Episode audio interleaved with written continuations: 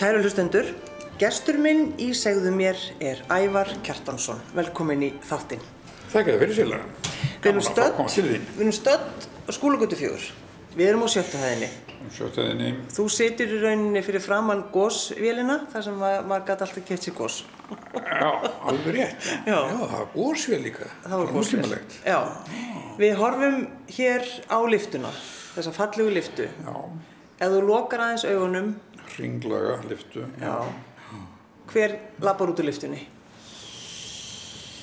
Já, já, nú, nú, hérna, ég held að ég, ég sjá helst fyrir mér, sko, mannin sem svona, var eini maður sem tengdi mig pílti við þessa stofnun, það var Stefán Jónsson, fréttamaður og réttumöndur. Hann eh, einlega, sko, eftir að mér dætt í hug að, að eh, sækjum starf hérna og og ég var að spyrja hvort ég geti lesið og ég sagði, jú, þetta er læs og, geti þess að verið þullur og stóð þannig að Gunnar Stefánsson var að hætta þannig að ég uh, bara ákvaða að skella mér í þullurstarf en fekk svona smá áhyggjukast yfir þessu og, og, og mér var endar sagt hérna á einhverjum, ég held að það verið Gunnar Vaksson sem hér var fjármálastjóri bendi mér á að það væri kannski ágætt að leita til einhvers starfsmanns eða einhver, einhvers sem hefði unni hérna og svona fá einhverja leifinningar, góð ráð. Og ég, eini mann sem ég kannaðist við var Stefán Jónsson. Og hann gaf mér mjög fá ráð en góð. Hann sagði sem þulur þá máttu aldrei láta heyrast á mæliðinu hvað þér finnst. Ég, á, hann tók sem dæmi, já, ef sko varðskip yrði skotið niður, þá getur að láta svolítið trega í röddina.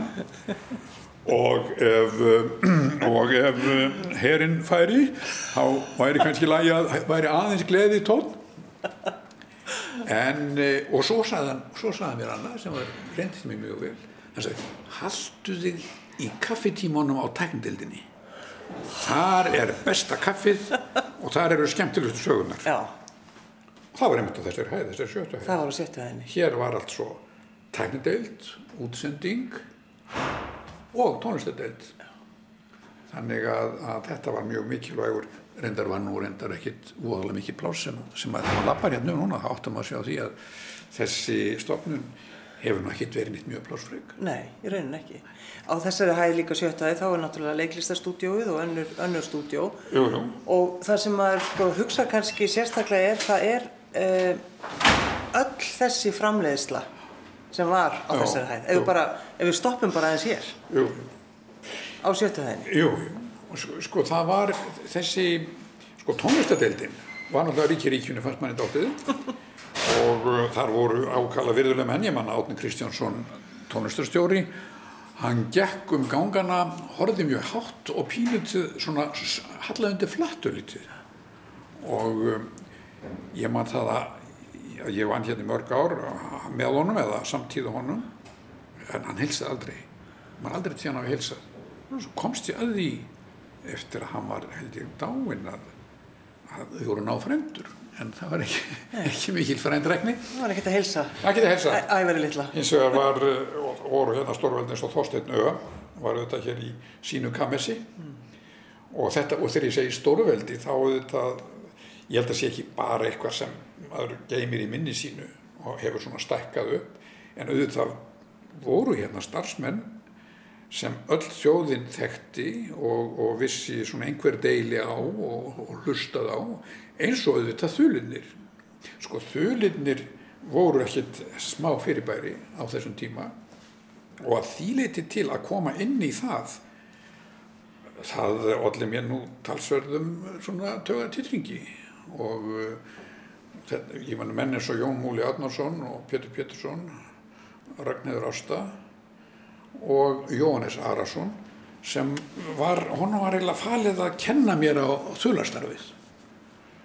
Jóhannes var mjög glaðbeittur maður norður þingaengur eins og ég kjaft fór með afbreykuðum en kurteis og elskulegur maður í raun og mjög tilfinninganæmur mikil tilfinning að vera þannig að hann eh, og reyndar voru það þannig með þá báða bæði Jón Múla og hann að þeir til dæmis treystu sér aldrei til þess að lesa skipskaðafréttir sem þá voru nú algengar en þá, myndur á 70, í beinútsendingu. Fréttir voru alltaf lesnar beint nema þessar fréttir. Þannig þeir tóku það bara upp. Já, það var tekið upp. Já. Því að þeir voru báðir mjög viðkvæmur menn, þótt ólíkir væru.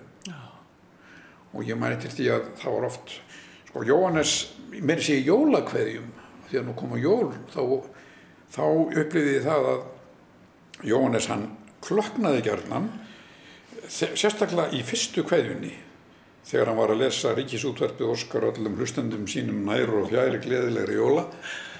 Og Það brotnaði röddinn og ég man að hann kom fram þegar hann var, hann var sett á lag þegar hann var búinn að lesa fyrsta kaplan og þá kom þá kom Jó, uh, hérna Jóhannes fram og sagði nú fekk ég helvíti stafinn. Og við, við Ragnar Ástar að. En sko, hvernig dattir í huga ef var Kjartason að, að fara í þetta starf, að verða, að vilja vera þull? Já, mér datt það bara ekkert í hug, ég bara, mér vantaði bara vinnu hérna á hösti til hann að 72, hafði verið að uh, gera við gammalt hús og búin að köpsa mikið að spýtum að ég voru hann blankur og, og ríkisútverfið var í rauninni eina stofnunum sem allir íslendingar þekktu. Já, já. og þegar ég var hérna í Völundi hérna rétt hjá, sem þá var, þá sé ég þetta skilti útvarp. Og hugsaði að heyrðu, ég fer að fæ mér vinnu þannig og bara að létt verða því. Og þá var mér bent á þetta fyrir að það þulastar væri að losna. Þannig að það var ekkit það var engin drömmu sem ég hefði alveg með mér, alls ekki.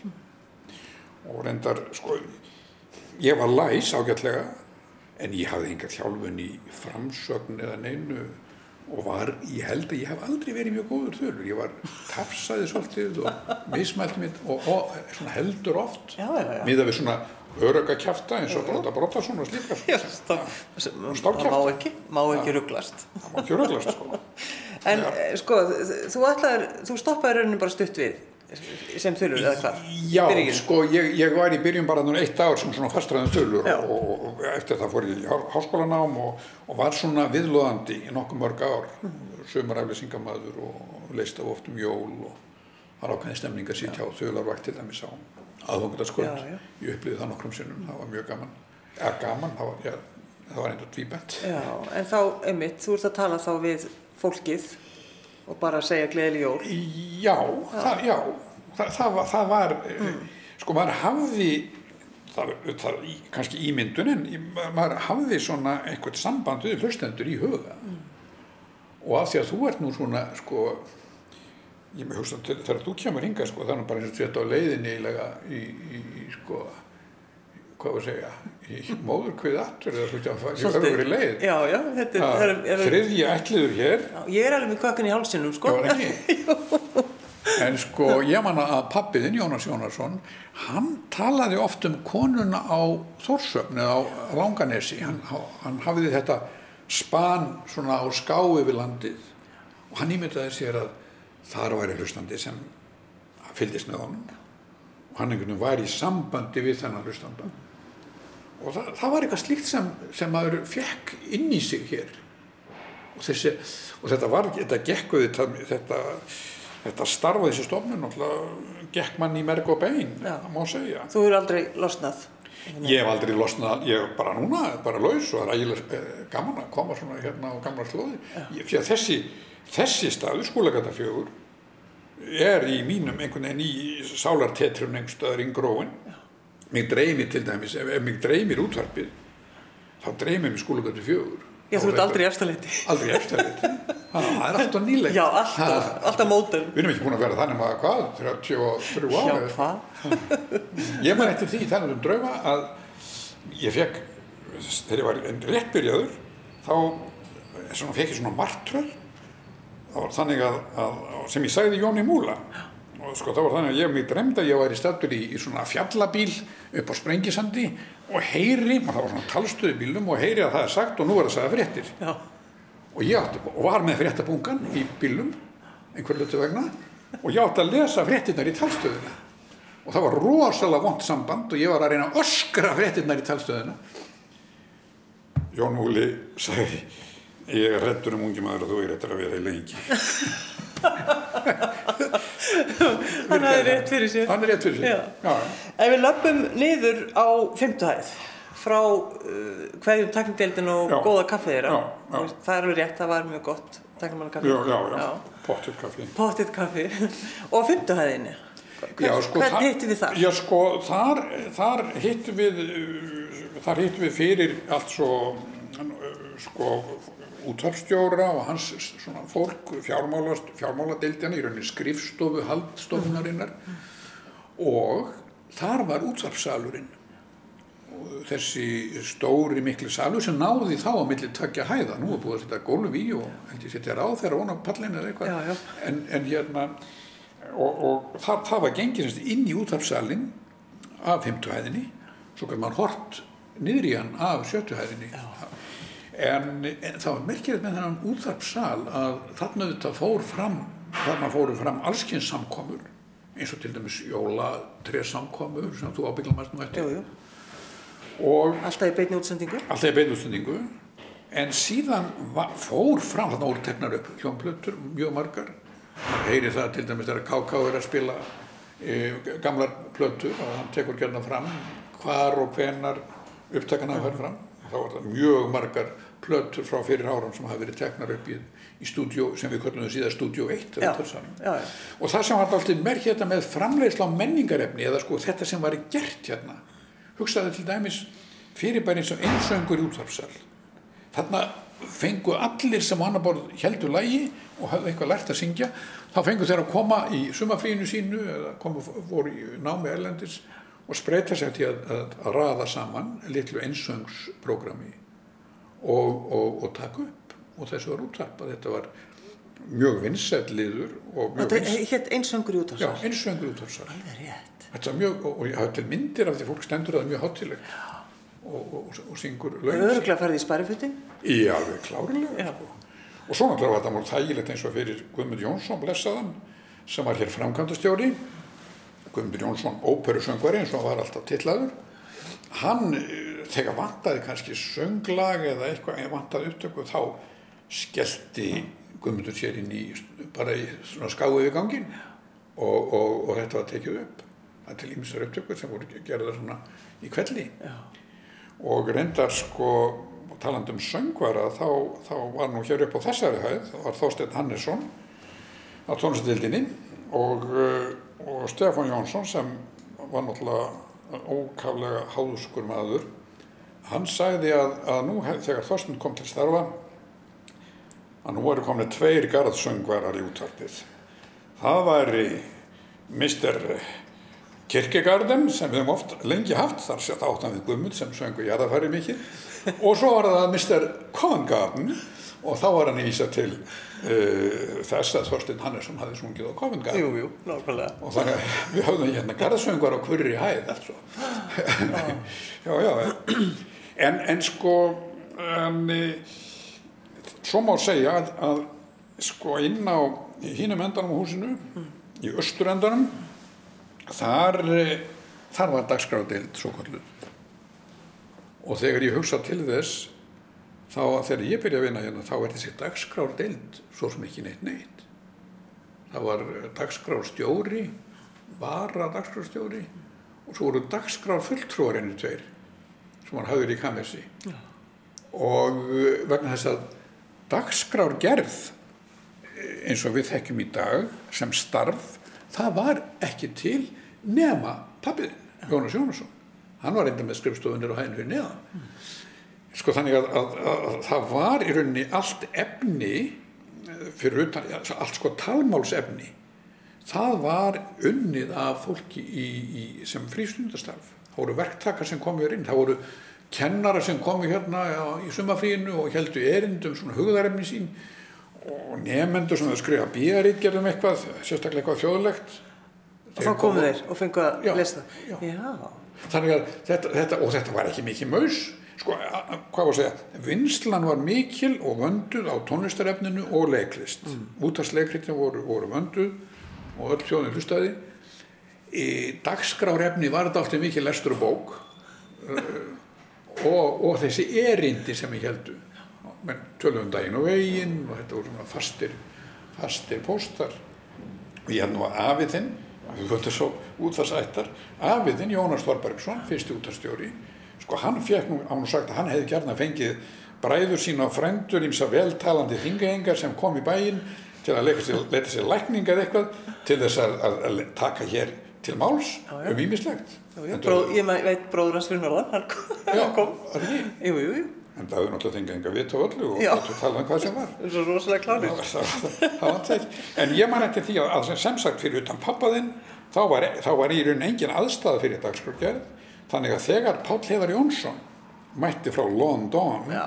uh, upp úr 70, eða um 70, þá var hvergin eitt pláss, það var hvergin að hóla niður þessum manni, þannig að það var svona einhver kamar settur hérna út, inn á gang hérna niðri sem morgunútverfi var í.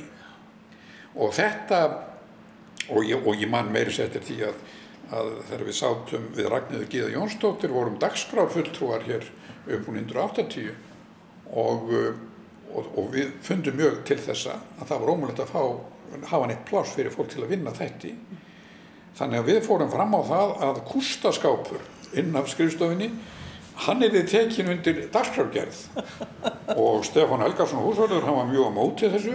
Hann var einn af þeim sem fannst eitthvað breytinga á frekandi balvunar þannig að til þess að koma þessu í gegn þá ákvaðum við Ragnhildur Gíða að brjóta veggin að, að sparka í gegnum veggin inn af skrifstofunni til þess að þyrfti allavega að gera við þannig að húsvörður myndi taka eftir þessu og, og samdum síðan við hann að það verður nú kannski alveg eins gott að gera þarna herbergi fyrst að annar borð væri komið gat og þyrfti að laga veggin Þannig að satt sá stóri maður Stefán Jökulsson síðan. Ja. Hanna G. Sigurðardóttur og Ítlíu Jökulsson í mor með morgun þætti. Að þetta var mikið notað. En fannst þú, Ævar, fyrir sko þessum einhvern veginn krafti, svona sköpunar krafti? Já, ég get alveg heikluð sagt það og, og það var, en það var líka mjög kraftur, já, það, það, var, það var kraftur og áhugi uh, sko, að einhverju leiti minnst kosti, en svo var líka kerfismennska og íhaldsemi. Já. Sko, það er sem ekki gleymur sem ekki, við skulum ekki setja þetta allt saman rós raut, nei, nei, nei. Og, uh, og það var einmitt þetta sem var að brjótast í mannum á þessum tíma sem ég hef verið að vinna hérna. Það, það er þessi þróun frá allt svo í rauninni svona eh, leikmannstilburðum og, og, og bara viðvæningum sem voru að gera efni yfir í einhvers slags fagmennsku í dagskrárgerð. Og það er þetta sko sko það voru reyndar alltaf, það voru þarna menn sko fyrir utan pappa en það voru þarna menn sem eins og Stefán Jónsson að gera sín, sín viðtalstætti Já. og það voru menn eins og Jökull Jakobsson uh, og, og, og hérna Gestur Þorgrímsson þar á undan Björn T.H. Ímsir ákala vel talandi og snjallir menn sem gerðu náttúrulega ljómandi fínt efni, það vantaði ekki en það var algjörlega tilvíljanakjönd þetta var bara svona, þeir tóku svona spretti Já, já, já, einmitt. og, og, en það festist ekki dagskrárgerð sem fag festist ekki í sessi fyrir bara komið er uh, framundir framundir sko 1990 og, og, það, og þess vegna var eins gott fyrir stofnun að komast í náttúrulega stærra húslega ekki kústaskápa. En eh, það er eitt herbergi sem við erum að tala um. Það er herbergið með fallegum listaverkum, afskaplega stóru og löngu borði og stólum. Þá erum við að tala um útvarsráð. útarsráð, já. Já. Jú, jú. Ah. Og maður bara, þú veist, ég, ég veit það. Ég veit alveg hvernig það voru, það voru rifrildi og það var, það var allt brjálað og þeir voru að reyna að stjórna Jú, jú, jú, jú. Auðvitað, sko, útvarsarherbergið hann sem betur að nota undir fleira en, en fundi útvarsráðs en á fundi útvarsráðs var nú kannski eins gott að þurfa ekki að koma mikið en voru stundu samt kallaður á beinið og, hefur herðir. Ég man að Margrét Indriðadóttir fréttastjóri, hún sagði mér þannig tíma hún hefði einu sinni mætt á fundi hjá útvarsráði Já, og þeir bóða hann ekki aftur. hún las þeim pistilinn um það að hún hefði nú annað að gera heldur en að svara einhverjum smásmiglislegum flokkspolítískum aðtöðasendum. Um, þetta var auðvitað ákveði já, sko, þe- þetta, þessi afskipti, þessar, eða þessar tilraunir fulltrúa stjórnmálflokkana til að hafa afskipti, bein afskipti af dagskrunni. Og þau afskipti fólust reyndar kannski mest í mannarðaningum og, uh, og, það, að, og það var ekkert launungumál að hér voru menn ráðnir inn á frettastofu og svo setna til dagskrárgerðar. uh, eftir uh, þar segja flokkspólitísku mat að einhverju leitt og auðvitað var þetta, þetta skammarlegt uh, finnst okkur í dag. En það er nú þannig að alltaf er einhverju hagsmunni í spilinu. Og auðvitað var þetta kannski erfiðast svo við flytjum okkur nú neyra á hæðina fyrir neðan sko, Akkurat. fjóruðuhæðina, fréttastofuna. Það var það fjórðahæðin. já, og þar já, þar reynd á. Eins og, og þar auðvitað þetta var bara svo rosalega gott fagfólk að, að ég man að Margrét Indræðadóttir sem ég nefndi á þann hún var náttúrulega geysilega öflugur fréttastjóri.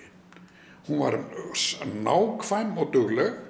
Ég man til þessi upplifun af því að koma og lesa sjöfréttinar á kvöldin. Þá settist maður inn til Margrétar og fekk fyrir að sitja stundu smá stund með Tóru Viljámsinni sem kom að ná í möggu sína að, að sko hún las yfir hvern einasta texta þetta var alltaf lausum blöðum hún raðaði þeim í þá röð sem hún vildi hafa á, á, á frettatímanum og, og streikaði í með blíjandi lagaði málvillur ef þar voru einhverjar og, og þetta var maður síðan réttum hann svo fekk maður að lesa um legum að búna þetta blað, þá fekk maður að lesa yfir þannig var kannaðist með eitthvað við efni þá var það frettatími byrjaði Þannig að það var alltaf þannig, hún fór Já, yfir. alltaf þannig. En, og þarna var auðvitað einvala lið á þeirri fréttastofu. Og þarna voru einmitt menn sko, sko þessi, þessi slagur og þessi, þessi slagur við, við, við sko þessi, þessi ímyndaði slagur einhvern veginn til dæmis morgunblæðis þessi kommunistana Já, já. sko það var, það var í gangi áratugum saman. Og, og, og, og einhvern veginn og það voru þetta þannig að gamlega komar líka en eins og Margaret lýst einhvern tíman þá voru þeir svo, pössuðu þeir sig svo vel að þeir fóru stundum yfir, yfir, yfir miðjuna hínum megin til öryggis. Það var, var eiginlega þannig. Og, og, og þetta þetta var alltaf kannski einhverju leiti þurfti morgunblæðið að segja við erum, við erum nálagt miðjunni. Þeir eru svo til mikið til vinstri hérna á ríkistúta við erum hérna, þannig að þau verður bara að trú okkur frekar. Þannig að þetta var líka þetta var einhvers konar svona mm, samkeppnisslagur einhverju leiti og, og, uh, og þetta tala alltaf um alla komana hérna, ég, það, það er bara fáránlegt. Ef, ef að mætti gaggrína útvarpi fyrir eitthvað þá er það, það helst það að, vera borgaralegt og stofnanalegt ef eitthvað er. En alls ekki róttækt eða, eða, eða gaggrínið því miður, þá var það ekki nógu gaggrínið oft á tíðum en auðvitað er þetta mjög, þetta er vandi og þetta er eitthvað sem sem en svona já hvað þú að segja við þjálfuðumst í þessu. Við, við fengum ákveðna þjálfun í því að, að reyna að tala á nótum sem ekki var hægt að fetta fingur út í.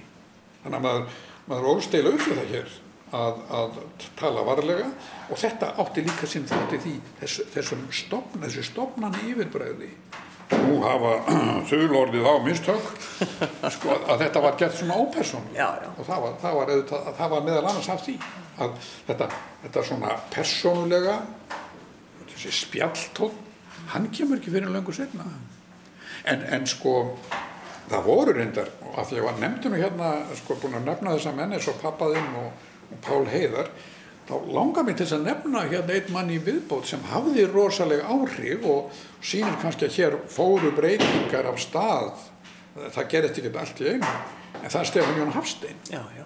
að þegar hann kemur með sitt morgun út gull í mund Sko, eins og stormsveipur. eins og stormsveipur og, og hann var svo kraftmikill maður að, að það stóðst nú fátt fyrir honum og, uh, og svo hann byrjaði líka hérna með til dæmis nætur út Já, já. rockþing hérna minnum við með þess að lendi ég í því sem er ekki mikill rockari að taka við af honum því hann fór þurfti að fara til útlanda og ég var að hér að spila rockplötur hér á, á lögðarskvöldum langt fram til nóttu Ævar Kjartason að spila Já, rockplötur. þetta, já, já, það er ýmislegt Og svona til. með stæfamálúttarpið á Rás 2. Já, já. Þannig að, þannig, að, hér, það var ekki eins og hér hefði bara verið einhver algjör stöðnun, alls ekki. nei, nei. Þó að verið líka verið svona dálítið líka sem í. En eru við sko ennþá alltaf einhvern veginn að pæla í þessu sko hlutverk ríkisútasins? Eru við komist, eru við endalist einhvern veginn að reyna að finna út úr því hvað já, er? já, og ég held að það verði alltaf eðlilega. Sko, það er einhvern veginn ekki hægt að ákvarða með reglugerðum eða lögum hlutverk svona stofnunar þetta er það lifandi eða svona já, lífræn stofnun. Og hún er bara svo mikilvæg. Sko þetta, sko nú erum við að, erum við að tala hér saman á 90 ára amæli Jú, jú.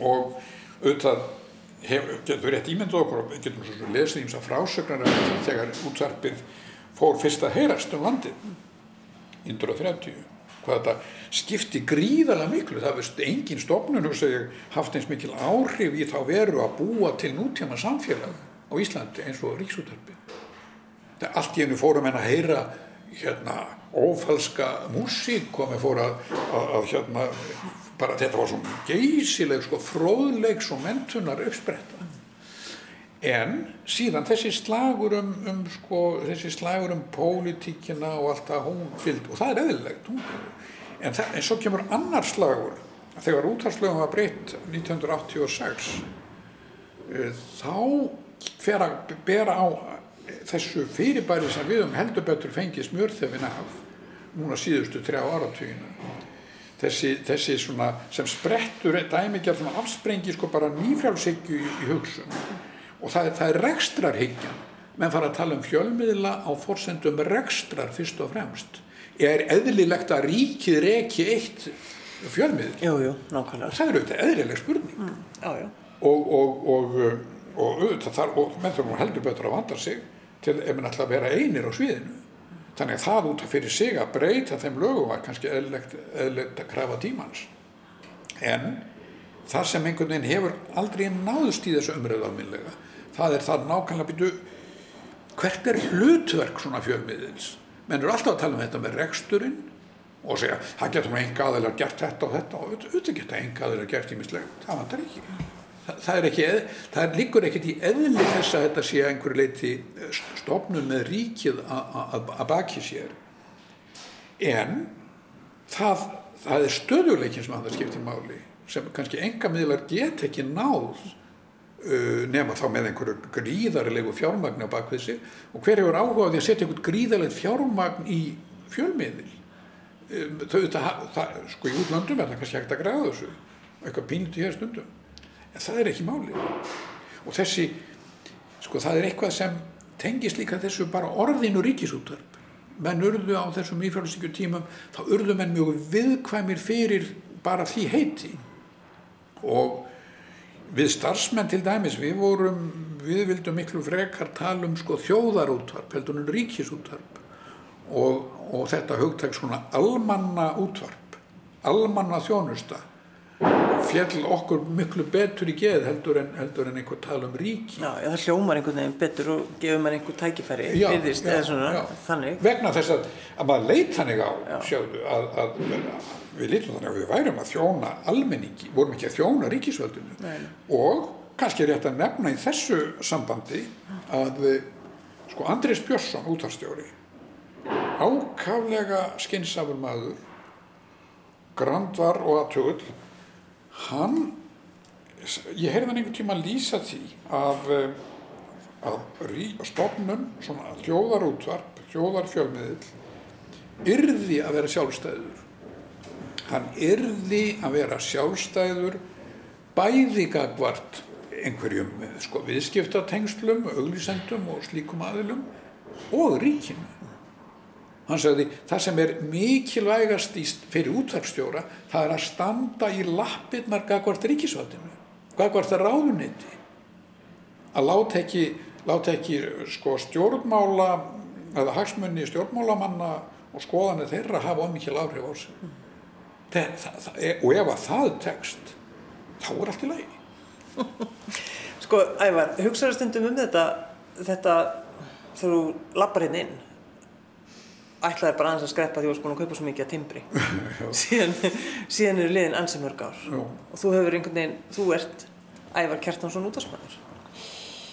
já, já, ég hef verið hérna þetta hefur verið mitt á þessum vettvangi hefur verið mitt starf mitt æfistarf og uh, ég ég svo sem ég held að ég hefði ekki getað valið betur svona starfsvettvang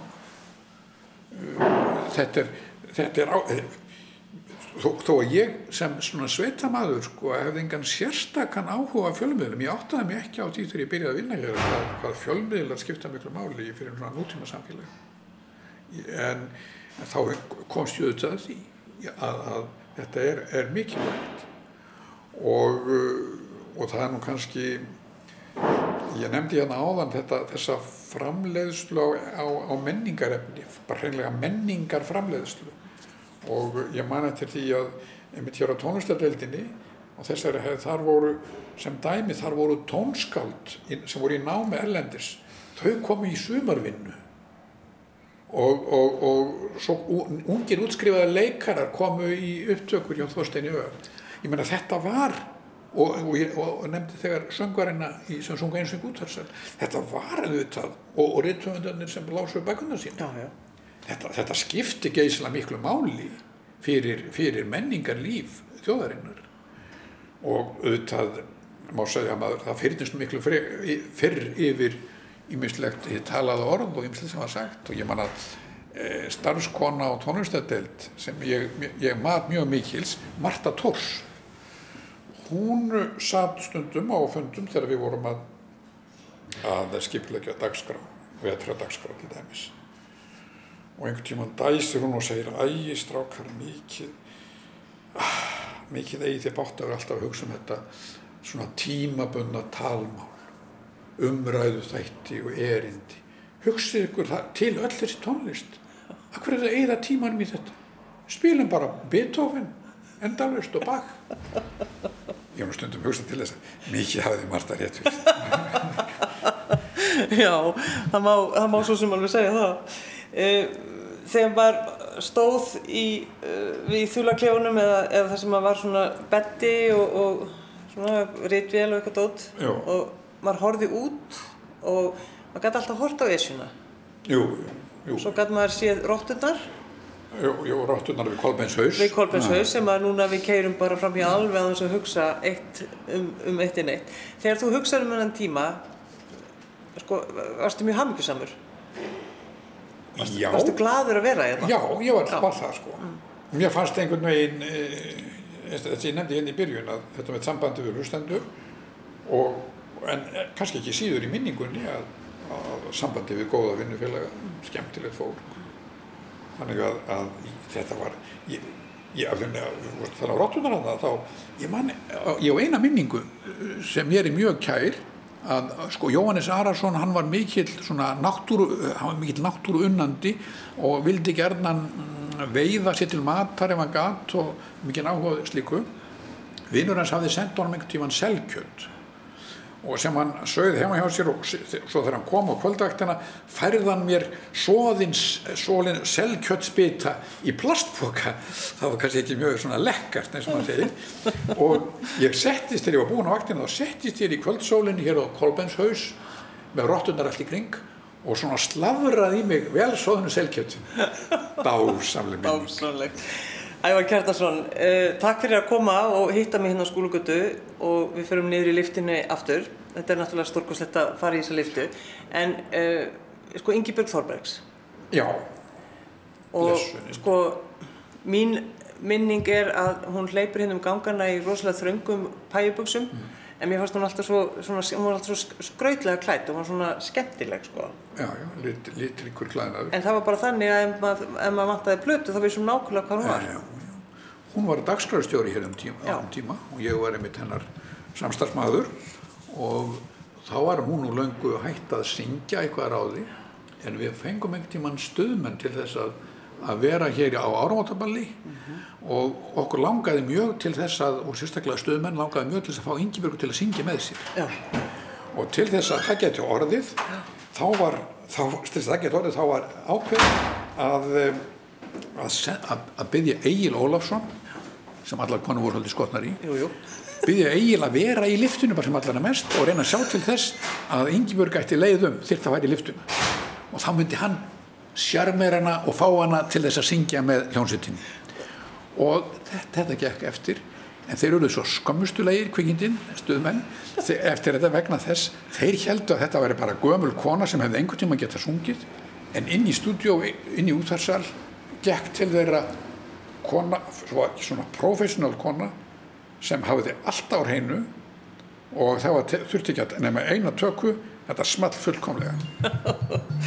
Ævar Kertansson útvarsmaður Takk fyrir að koma. Já, Takk. fyrir að út og skoni marga ætlið. Takk fyrir að, að bjóða mér að koma yngar Takk fyrir.